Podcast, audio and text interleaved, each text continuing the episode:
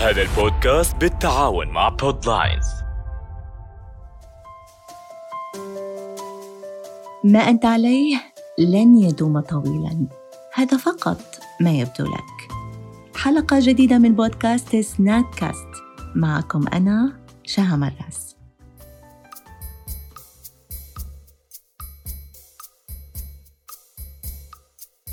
أشكو من متلازمة ما بعد الزلازل منذ سنوات. أشعر باهتزاز للأرض من تحتي كلما أرعبني صوت سقوط قوي أو توجست من مشاهدة ظاهرة غريبة.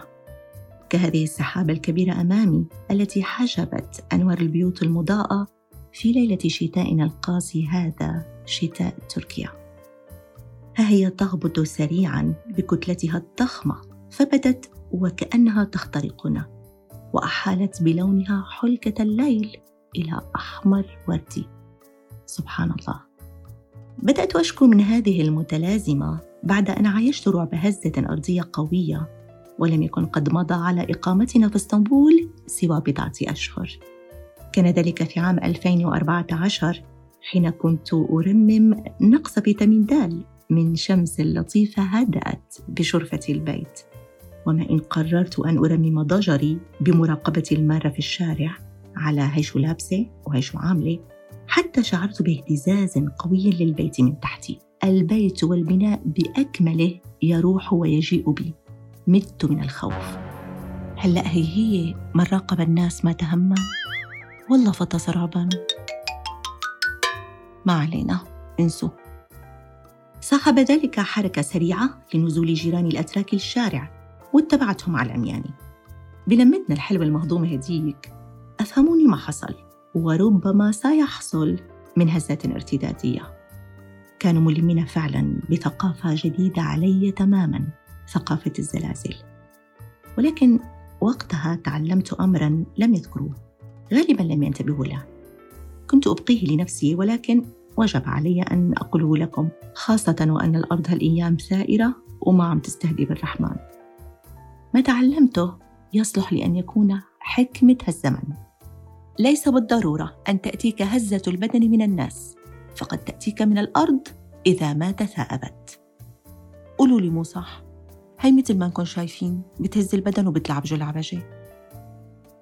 لم أهتم يوما بظاهرة الزلزال. كل ما في الأمر أنها كانت معلومة عابرة في مادة العلوم قسم الجيولوجيا.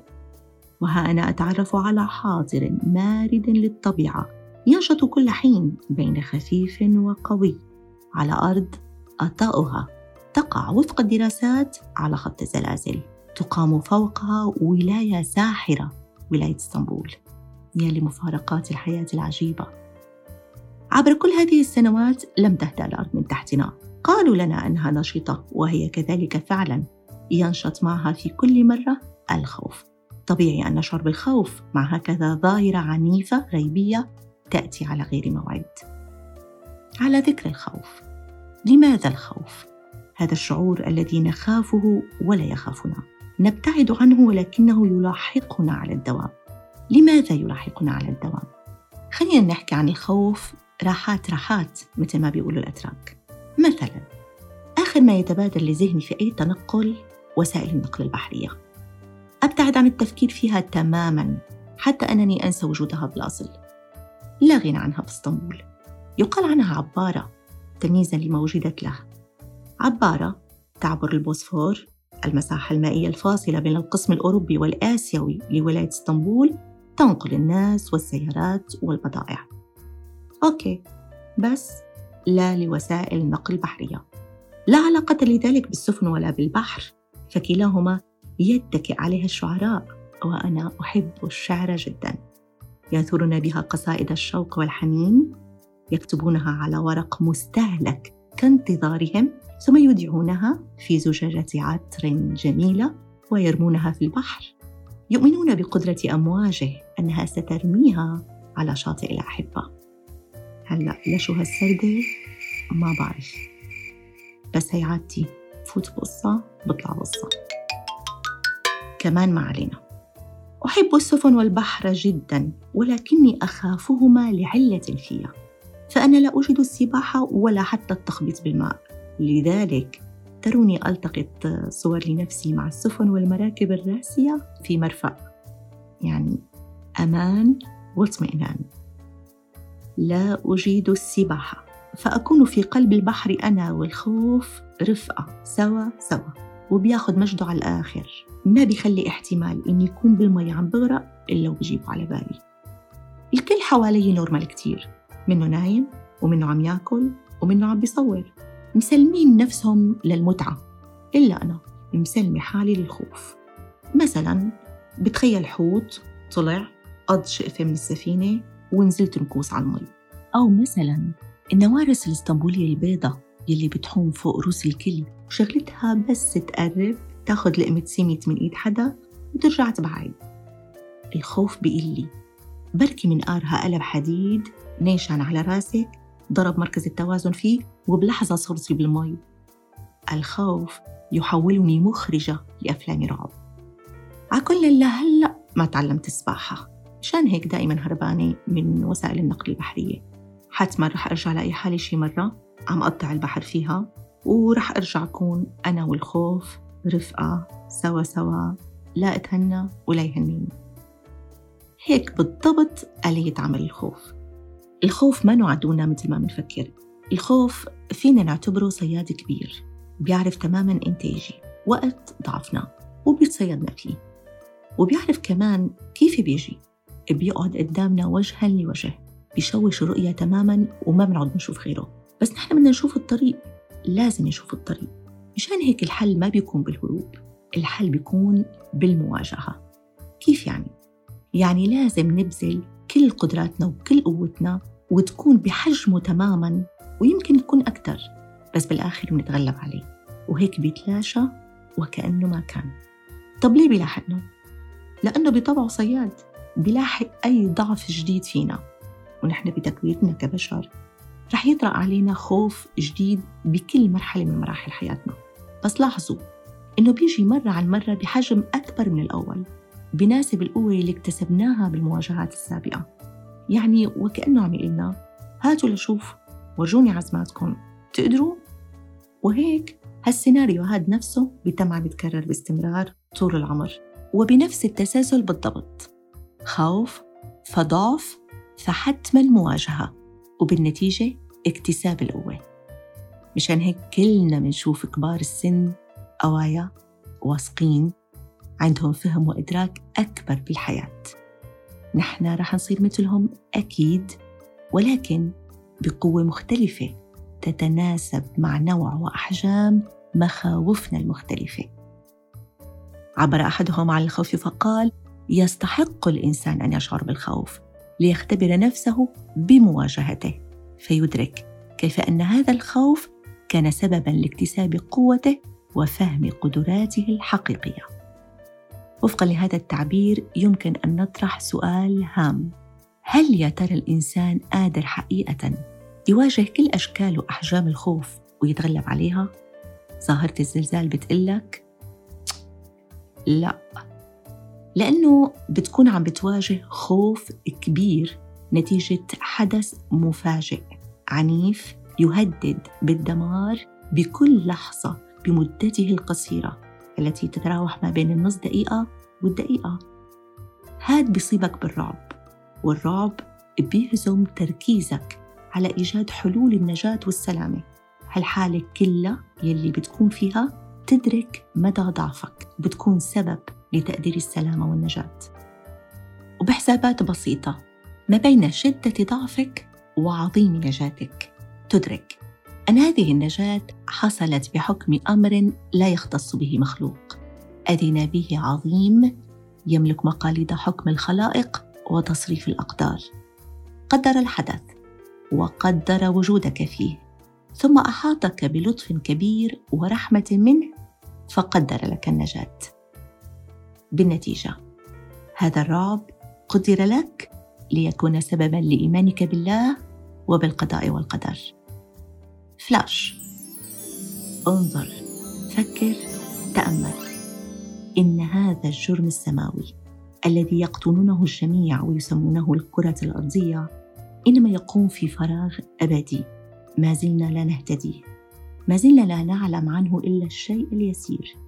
يسعى العلماء دائما لاكتشاف نظام هذا الكون الهائل. ولكن عند نقطة الفهم كيف ولماذا يقفون عاجزين؟ سئل أحد العلماء عند الوصول لصورة واضحة للثقب الأسود. لماذا إذا الثقب الأسود؟ ما وراء الثقب الأسود؟ أجاب نحن لا نعلم أكثر من ذلك. نحن فقط اكتشفناه. وهنا توقفنا. حتما توقفنا ولا نعلم. اذا من يرعانا في هكذا أقدار تضعنا بكل هذا الضعف واللا حيله جواب واحد الله وحده يرعانا بغيب علمه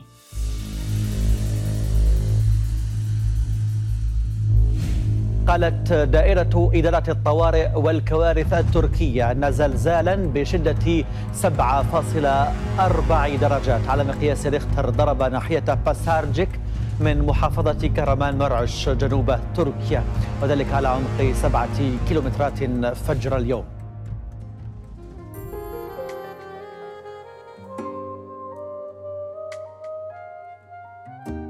إنها جيولوجيا إذن التي لا عين ولا قلب لها.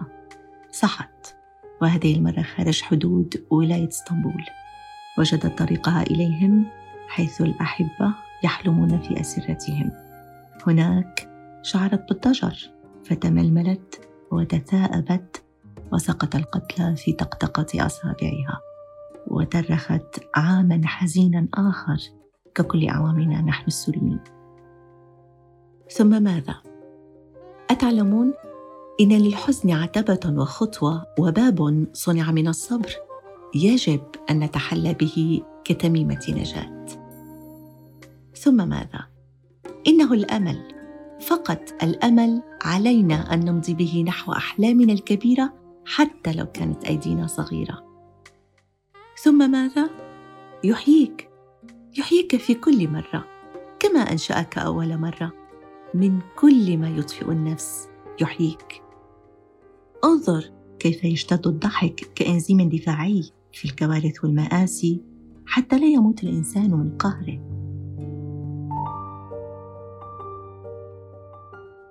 في عز الكارثة هنالك موقفان أضحكان من حزني الأول شاب كتب لأحد المتطوعين الناشطين أريد أن أتطوع في فرق الإنقاذ أرجوك فعلق له أبوه. بدك تتطوع وين ولا؟ أنت كاسة مي ما بتجيب لي. أرجوكم لا تأخذوه. والثاني لرجل كتب. أعتقد أن الصفيحة التكتونية لن تهدأ حتى شهر زمان. فعلق له صديقه قائلا شو خصك بالصفيحة التكتونية وأنت لحام؟ خليك في الصفيحة بدبس رمان ولا تخوف العالم.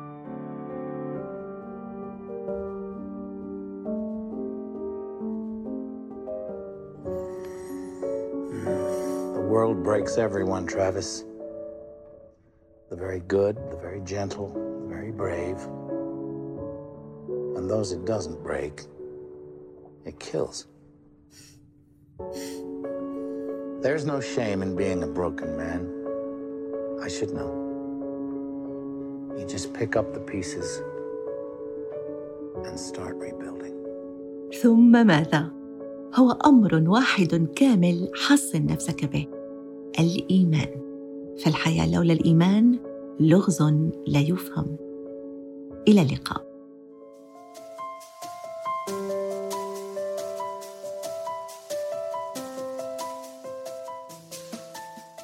كنت معكم أنا شهامة راس في بودكاست سناك كاست تابعوني على جميع منصات البودكاست.